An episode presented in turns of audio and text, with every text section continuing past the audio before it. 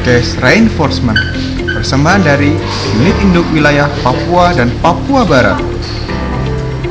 Selamat mendengarkan.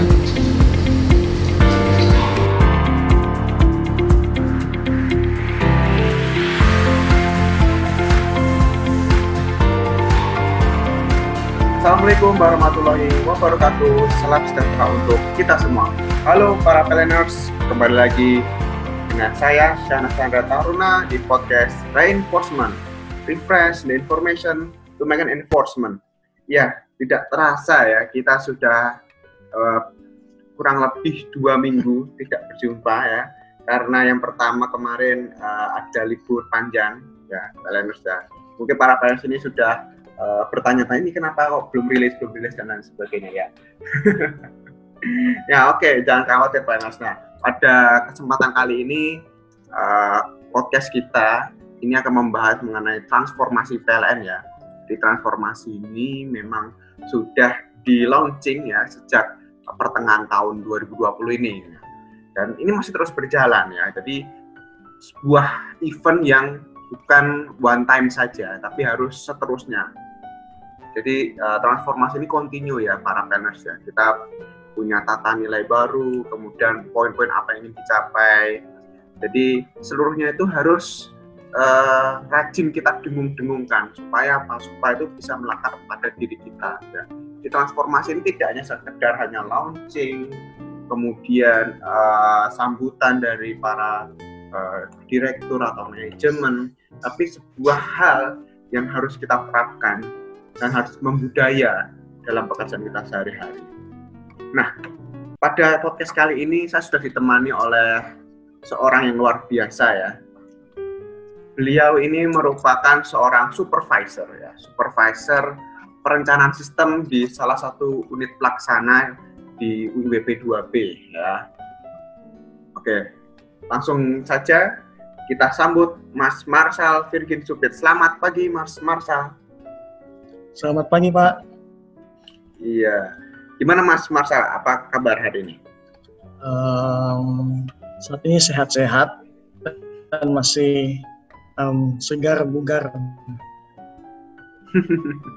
ya tentunya karena mengikuti protokol kesehatan yang telah ditetapkan ya Mas Marsal ya. Iya iya betul para planners, uh, transformasi ini itu memang sebuah hal yang uh, harus kita adaptasi ya. Kita adaptasi dengan seluruh kebijakan-kebijakan baru, seluruh hal-hal yang akan diterapkan ke depannya. Nah, uh, Mas Marshall ini saya mau diskusi ini Mas. Uh, Mas uh, apa sih Mas transformasi itu Mas? menurut saya itu transformasi itu adalah merupakan suatu perubahan dari sebelumnya menjadi uh, setelahnya. Dan di situ ada perubahan uh, misalnya tingkah laku atau budaya. Jadi seperti itu menurut saya. Hmm. Nah, kalau dari uh, apa ya ruang lingkup kerja Mas Marsal sendiri nih, hal-hal apa yang uh, ditransformasi Mas di situ Mas? Kalau di kita sendiri untuk pekerjaan sekarang itu didominasi oleh uh, banyak kaum milenials ya. Hmm. Um, jadi um, sudah banyak kaum milenial kaum milenials itu yang berpikir positif ke depan dan um, semuanya itu rata-rata mengikuti kebijakan yang berlaku atau ketentuan yang berlaku di PLN saat ini. Ya, ya, ya. Um, dan, dan banyak juga milenial sekarang yang inovatif. Jadi uh, mereka itu berpikir itu uh, bisa menciptakan sesuatu yang baru, entah itu teknologi maupun itu um, engagement kepada pelanggan. Jadi uh, kalau saya melihat perubahannya itu sebelumnya kita itu um, kurang engage kepada pelanggan atau kita kurang memperhatikan pelanggan tapi dengan banyaknya anak-anak milenial sekarang mereka itu kita itu dekat dengan pelanggan hmm. dan kita menerapkan teknologi yang ada dan menjelaskan semuanya juga pelanggan sehingga pelanggan benar-benar puas dengan apa yang kita jelaskan, apa yang kita sampaikan. Jadi seperti itu, Mas. Hmm, seperti itu ya, Mas. Jadi memang uh, kaum milenial ini ya mendominasi uh, terutama dalam rangka implementasi transformasi ya, Mas ya, seperti itu ya. Terus kemudian kita kalau membahas transformasi, Mas kan uh, kita tidak bisa lepas dari empat poin transformasi, Mas. Jadi kayak uh, green, yes. kemudian lean, inovatif dan customer focus. Nah, uh, Mas bisa jelaskan nggak contoh-contoh uh, transformasi yang ada dalam poin-poin tersebut, Mas? Um, jadi ada dua hal, ada dua transformasi PLN yang um, saya garis bawahi. Yang saat ini uh, PLN lagi genjot-genjotnya untuk implementasi transformasi okay. tersebut. Yang pertama transformasi PLN Green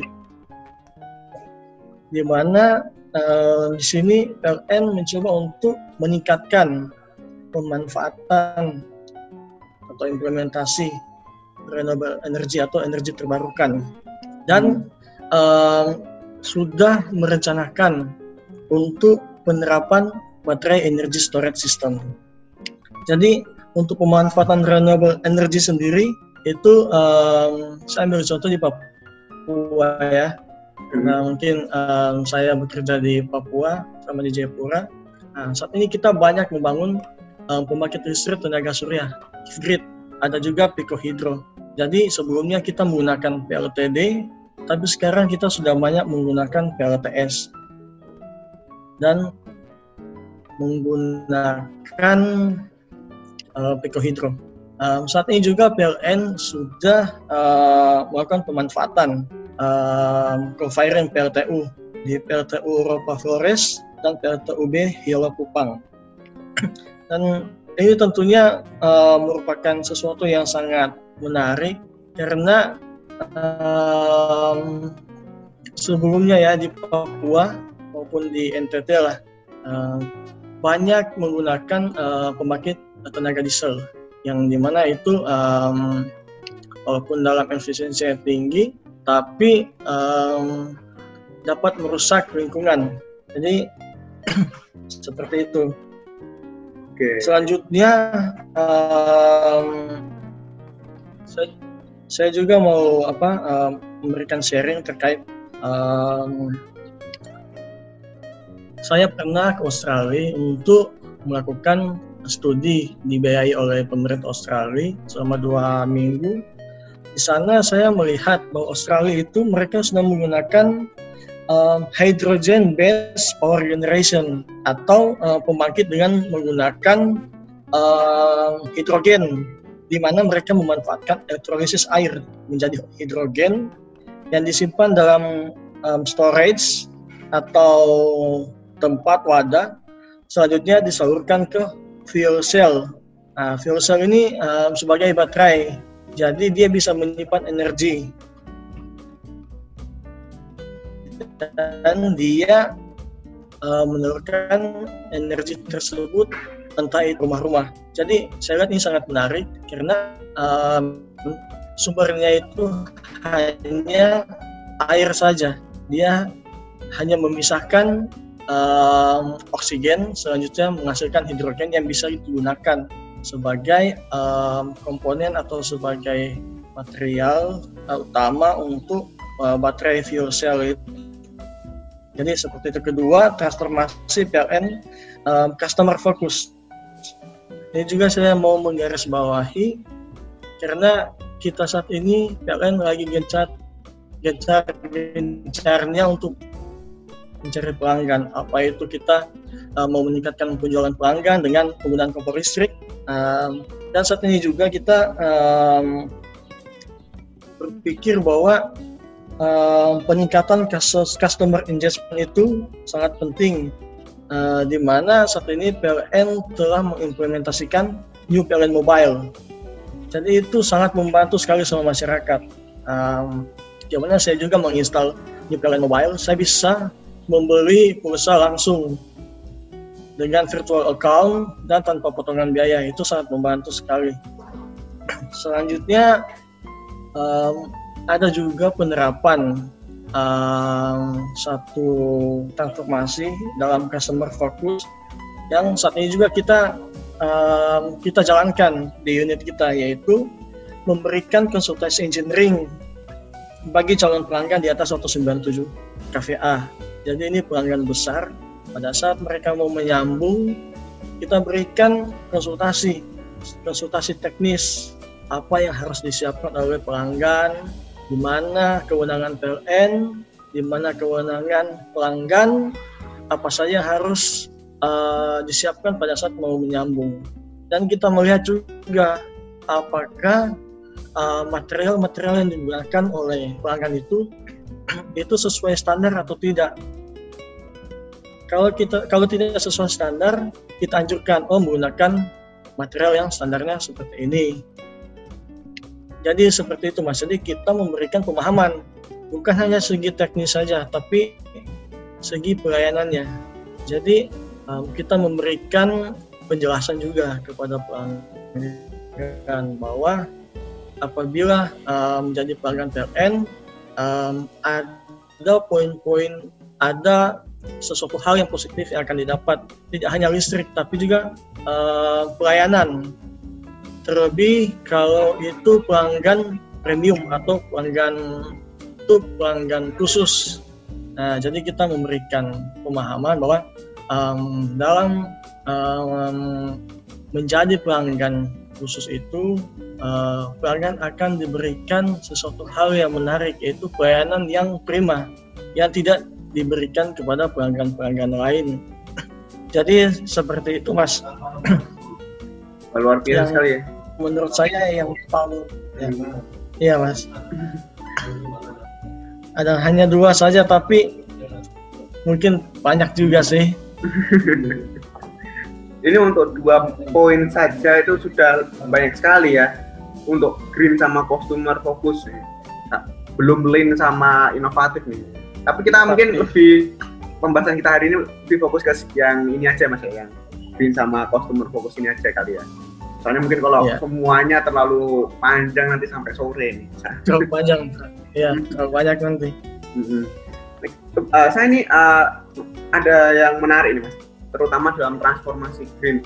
Jadi uh, di Jayapura sendiri itu untuk pembangunan pembangkit tenaga surya itu sudah berjalan ya mas ya. Maksudnya uh, apa ya convert dari PLTS, uh, sorry PLTD ke PLTS ini kira-kira sudah berapa apa ya berapa persen gitu? Um, kalau kita sendiri uh, pembangkit PLTD untuk saat ini di unit saya um, kita sudah tidak menggunakan lagi PLTD untuk pembangkit-pembangkit baru. Mayoritas itu pembangkit tenaga surya, pembangkit listrik tenaga surya, um, dan itu uh, mayoritas off grid.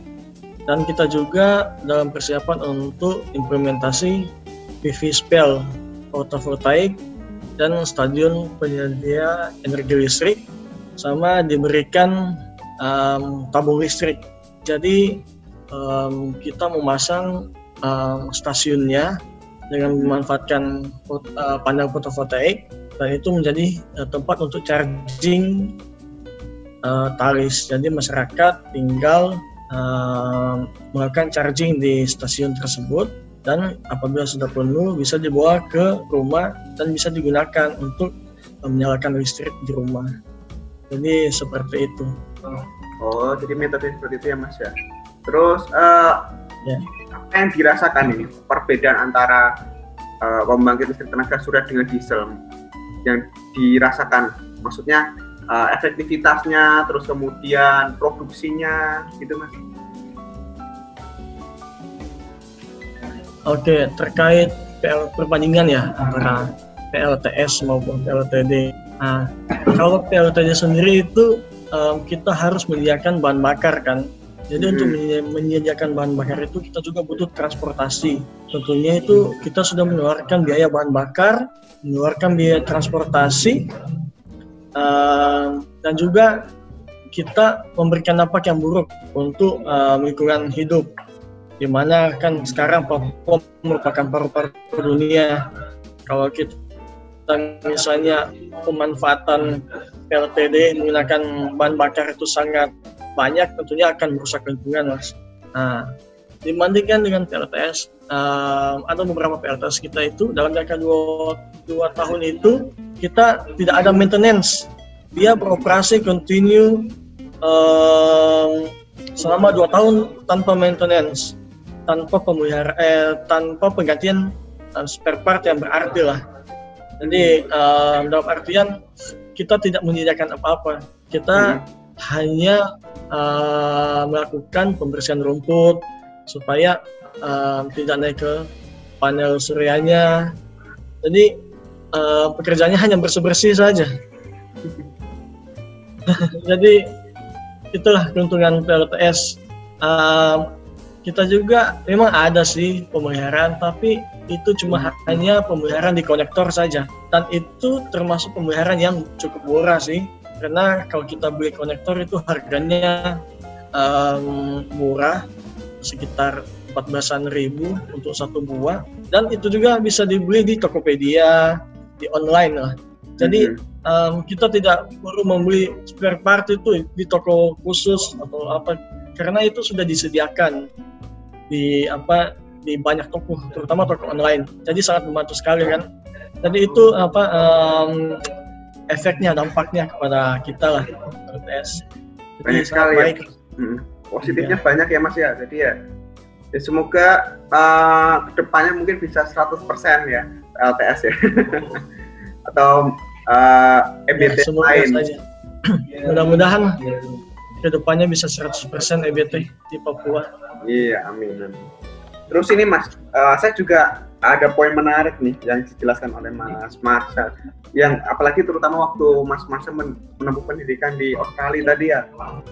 Jadi mereka menerapkan uh, apa itu Mas tadi namanya hydrogen based power generation ya.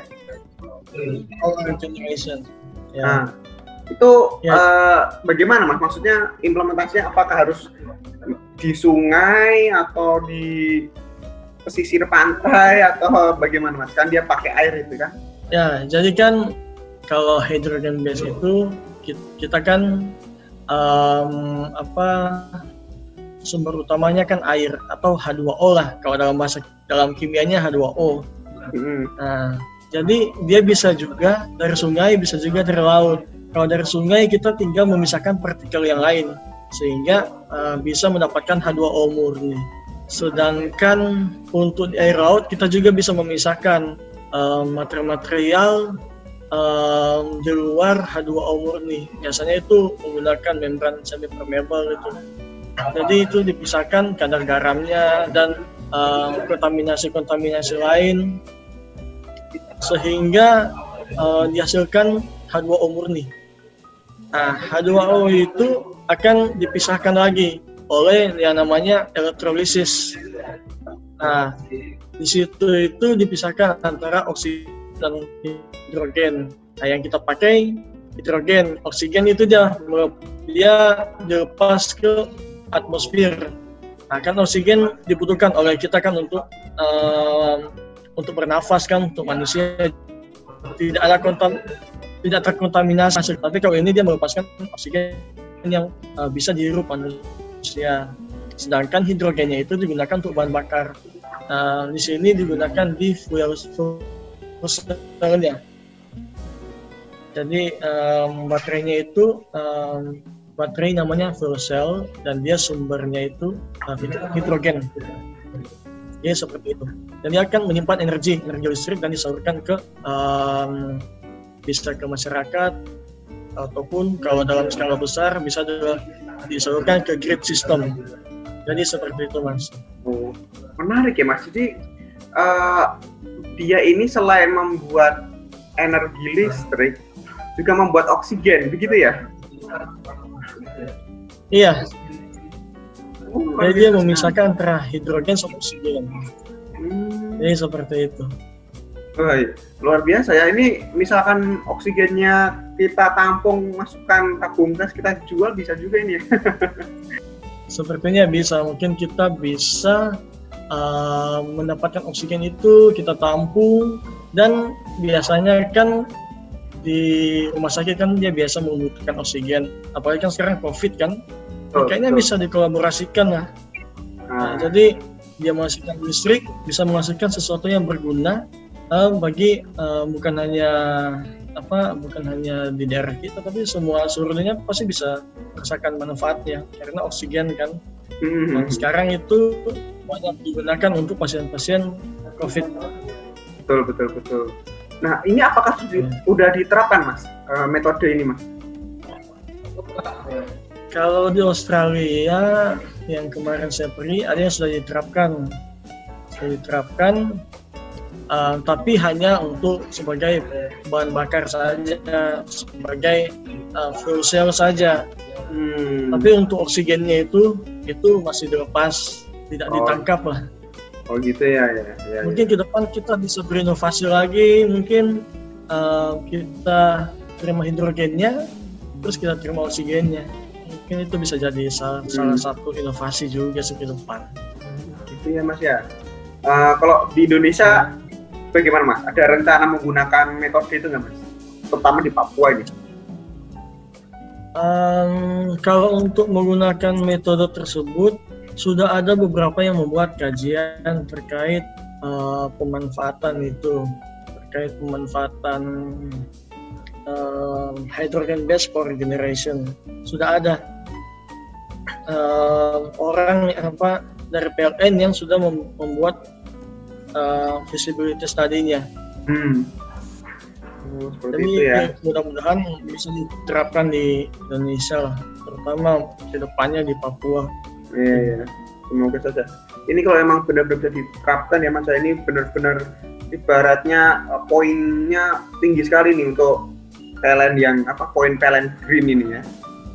Karena benar-benar ramah lingkungan nih kalau saya perhatikan ini mas ya. Iya, iya. Jadi sudah ada memang yang buat kajian. Itu saya pernah uh, ikut presentasinya. Itu uh, dari Pak Devni Safrianto, dia pegawai tugas belajar PTPLN Zero di ITB. Dan mereka Hmm. sudah membuat kajian hydrogen based uh, power generation itu di tiga pulau di pulau tiga uh, tiga T lah di Kepulauan Maluku. Jadi um, saya sudah pernah ikut di apa um, presentasi kajiannya dan itu sangat menarik memang. Hmm, luar biasa. Dan bisa diterapkan bukan hanya di Maluku saja. Mudah-mudahan di Papua juga mungkin kita buat kajiannya juga. Oh ya. Jadi sepertinya Mas Jadi- Marshall ini punya udah punya pandangan-pandangan nih membuat kajiannya ini sepertinya ya. Ya kalau memang punya waktu dan kalau misalnya ada kesempatan pasti saya akan buat juga. Dan berkonsultasi dengan teman-teman yang sebelumnya itu eh, pernah ke Australia kan Hmm. cari partner yang bisa membantu untuk buat kajian terkait uh, hydrogen based power generation Iya. Itu bisa juga di dijadikan Papua lah tentunya. jadikan karya inovasi nih Mas ya, bisa ya. Uh, mungkin bisa juga dibuat inovasi. Dan ini pastinya juga mendukung apa transformasi PLN juga inovatif kan ada Betul, betul. ada yang tinggi inovatif lah. Hmm. hmm. Ya. Semoga ke depannya ya bisa diterapkan ya Mas ya. Oke. Eh, ini selanjutnya Mas terkait customer focus ini. Tadi eh, Ya. ada poin di mana em, meningkatkan customer engagement dan satisfying dengan PLN Mobile. Nah ini langkah-langkah apa yang sudah dilaksanakan oleh eh, UP3 Jayapura untuk ini ya mensosialisasikan PLN Mobile ini Mas? Oke, jadi yang pertama itu um, kita itu menginstal di um, handphone masing-masing dulu. Jadi kita mulai dari uh, pegawai dulu, mas. Nah, kalau pegawai sudah terinstall, nah, kita bisa ke tetangga-tetangga kita, misalnya anak kosan kan. Pertama anak-anak kos dia bisa dia memberikan um, apa contoh atau dia mengenalkan PLN new PLN mobile ke uh, teman-teman kompleks uh, kosannya. selanjutnya um, untuk uh, pegawai-pegawai yang tinggal di perumahan dia sosialisasikan ke um, tetangganya. Dan ke depannya nanti kita akan uh, melakukan sosialisasi um, setiap uh, setiap bulan kita memberikan target. Memberikan target kepada setiap uh, setiap pegawai untuk setiap pegawai setiap minggu itu kita harus bisa uh, mendapatkan uh, pelanggan uh, minimal lima pelanggan yang sudah terinstall New Talent Mobile setiap minggunya. Jadi hmm. setiap minggu itu kalau misalnya kita ada 100 100 pegawai kan hmm. setiap minggu itu ini kan kita tinggal dua bulan efektif atau satu bulan setengah efektif enam minggu lah. Nah, ada 100 pegawai um, seminggu itu ada lima lima atau sepuluh lah. Jadi 100 kali 10 pelanggan itu bisa kan bisa 1000 nah, dikali dengan 6 minggu bisa 6000 6000 pelanggan yang bisa terinstall new PLN mobile. Jadi seperti itu um, dan itu pasti pastinya akan bisa melampaui target kita dan saat ini kan target kita di UP3 Jepra hanya 5 ribuan. Hmm. Kalau kita bisa uh, menerapkan sistem itu, itu ini sih masih rencana, tapi uh, kita akan ke depannya kita akan fokus untuk uh, menjalani uh, target tersebut sehingga uh, kita juga tidak hanya meningkatkan kinerja, tapi kita uh, juga meningkatkan pemahaman pelanggan, pelayanan pelanggan kepada masyarakat dan hmm. tentunya masyarakat ke depannya akan senang soalnya hmm. apabila terjadi pemadaman akan ada notifikasi kan betul jadi saya juga mengalami sendiri pada saat rumah saya uh, padam akan ada notifikasi bahwa di rumah saya menyala akan ada juga notifikasi dan itu sangat membantu iya iya, iya. selain iya. dengan metode pembayaran yang gampang mudah itu juga ada notifikasi soalnya kita bisa melihat pemakaian energi kita um, dalam satu dalam bulan ini kita um, kita itu membeli pulsa berapa kita memakai berapa jadi seperti itu mas oke Nah, terus uh, apa yang dilakukan pegawai mas untuk bisa menarik minat pelanggan untuk menginstal gitu? Maksudnya dengan cara yang kayak gimana mas? Contoh sederhananya? Um, saya pernah pengalaman uh, memberikan apa uh, pemahaman kepada pelanggan. Jadi di samping kosan saya itu ada um, ada beberapa pelanggan dan saya um, kebetulan kan berteman juga. Jadi saya langsung datang ke uh, tetangga kosan saya itu dan saya memberikan penjelasan um, Pak ini ada uh, aplikasi yang bagus aplikasi PLN nah sebelumnya kan saya uh, sempat uh, mereka kan curhat-curhat karena mereka mungkin mereka tahu saya kan pegawai PLN kan? Yeah. dan mereka curhat saya ini beli, beli ini kalau beli saya harus pergi ke tempat penjualan listrik Hmm. Kalaupun kalau mau beli pakai uh, apa uh, bank atau mobile banking itu ada potongan sekitar 6.500. Kalau setiap bulan kita membeli 6.500 berarti 60.000 kan. Hmm. Banyak kan untuk makan katanya. Untuk makan pagi sama makan siang. Nah, di situ saya melihat uh, mereka itu ada sesuatu yang kurang lah. Kayak saya dekati, saya apa saya mengenalkan dengan mobile. Nah di sini kita saya menjelaskan. Mungkin yang menjadi poin menarik atau poin penting sini menjelaskan sih. Dan memberikan tata cara misalnya kalau bayaran. Jadi seperti itu. Jadi hmm. masyarakat hmm. itu akan lebih tarik. Nah hanya kita memaksa oh pak um, tolong install aplikasi New Parent Mobile pasti kan mereka tidak akan mau juga itu jadi kita harus ada strategi untuk pengenalan pengenalan aplikasi seperti itu hmm. Wah, strategi yang, Dan itu yang bagus sekali nih Ya. dari Mas Marshall.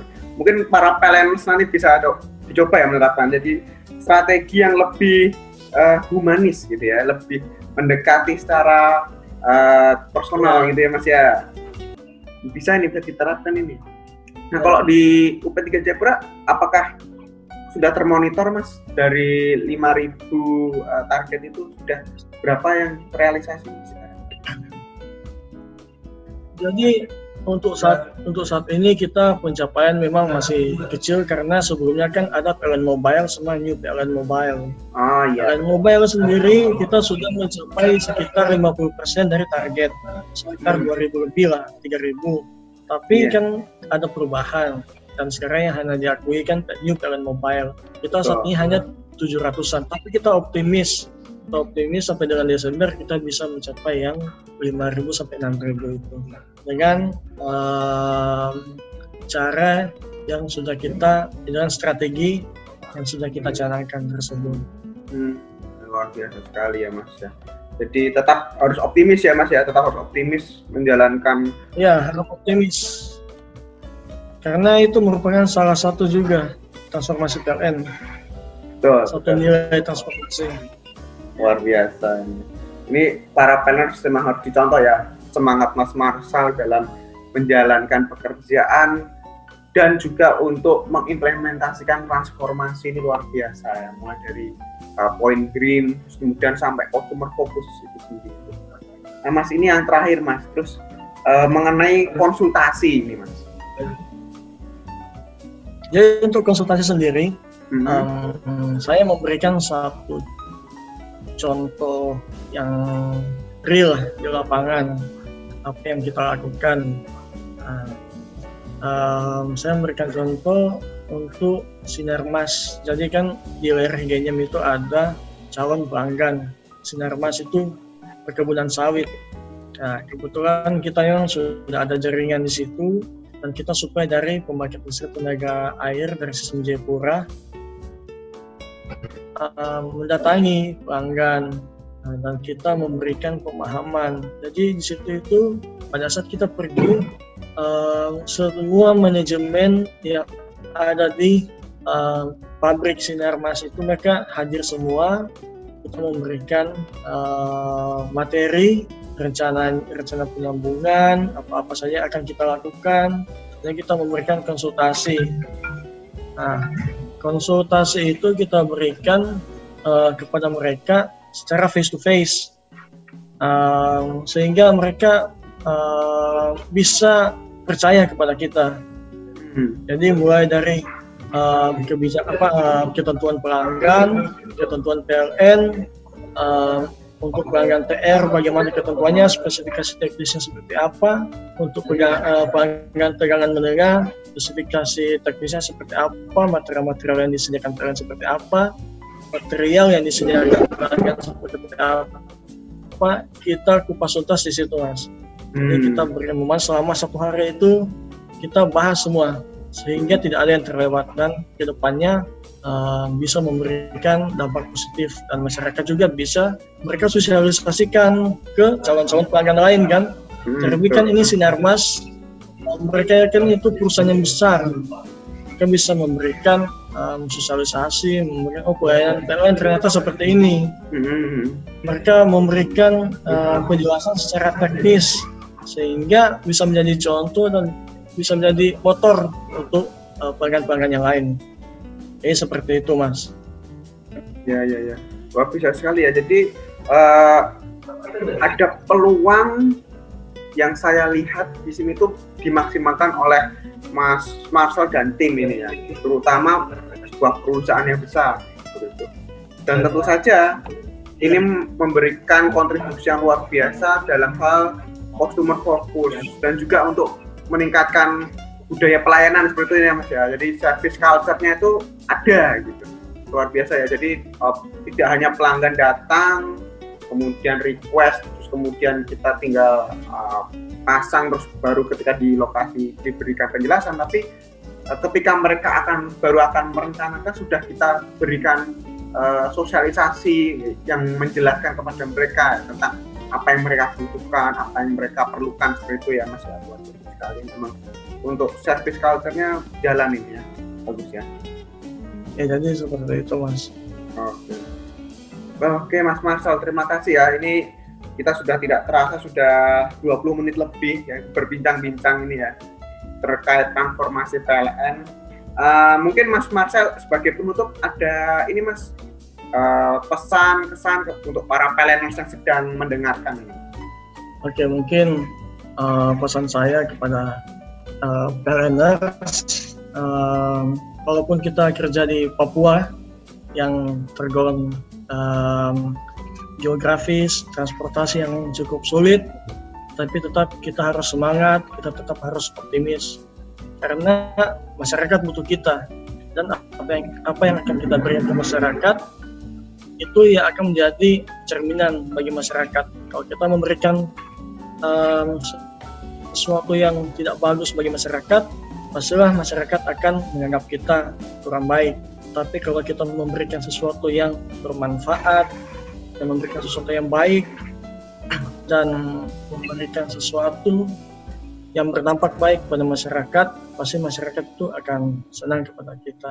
Tidak melihat itu siapa, kapan, di mana, um, pasti pastinya itu masyarakat akan senang bukan hanya kepada kita pribadi tetapi kepada PLN sendiri jadi seperti itu Oke, luar biasa sekali ya banyak sharing yang telah dilakukan oleh Mas Marcel Virgin Supit. Ya semoga ini semua bisa menginspirasi kita ya, terutama dalam langkah untuk uh, mengimplementasi transformasi PLN ya. Jadi kita harus sudah mulai beradaptasi, harus bergerak terus karena transformasi ini tujuannya adalah untuk uh, terus uh, berkembang, untuk terus maju mengikuti perkembangan zaman ya, mengikuti tren yang ada dan lain sebagainya. Oke para peleners, terima kasih telah mendengarkan podcast kita pada minggu ini. Kita ketemu, kita ketemu lagi minggu depan. Jangan lupa uh, dengarkan di aplikasi Spotify ya, dan jangan lupa untuk selalu sharing pengalaman, sharing ilmu kepada semuanya. Karena ilmu itu tidak bisa kita simpan sendiri ya. Ilmu itu harus kita tularkan, harus menjadi legasi kita untuk masa depan yang lebih baik. Oke, sekian dari saya. Wassalamualaikum warahmatullahi wabarakatuh. Salam sejahtera untuk kita semua. Salam sehat dan PLN berakhlak Anda. Terima kasih terbaik. telah mendengarkan podcast minggu ini. Sampai jumpa minggu depan.